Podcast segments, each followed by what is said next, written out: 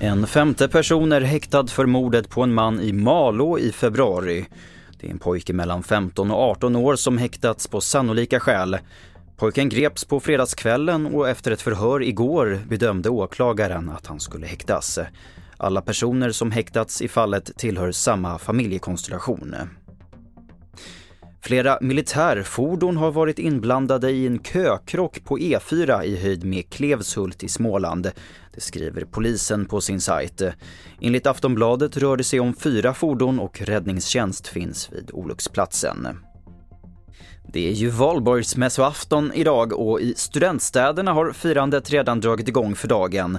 I Lund har studenterna samlats för att festa dagen och natten lång. Ja, Det är härlig årstid detta ju! Valborg! Tycker inte det är lite kallt? Nej, inte ett dugg! Solen skiner ju! Där hörde vi Elinor Nilsson som är student i Lund.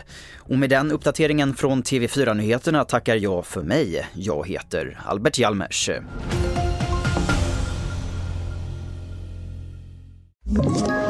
Ett poddtips från Podplay.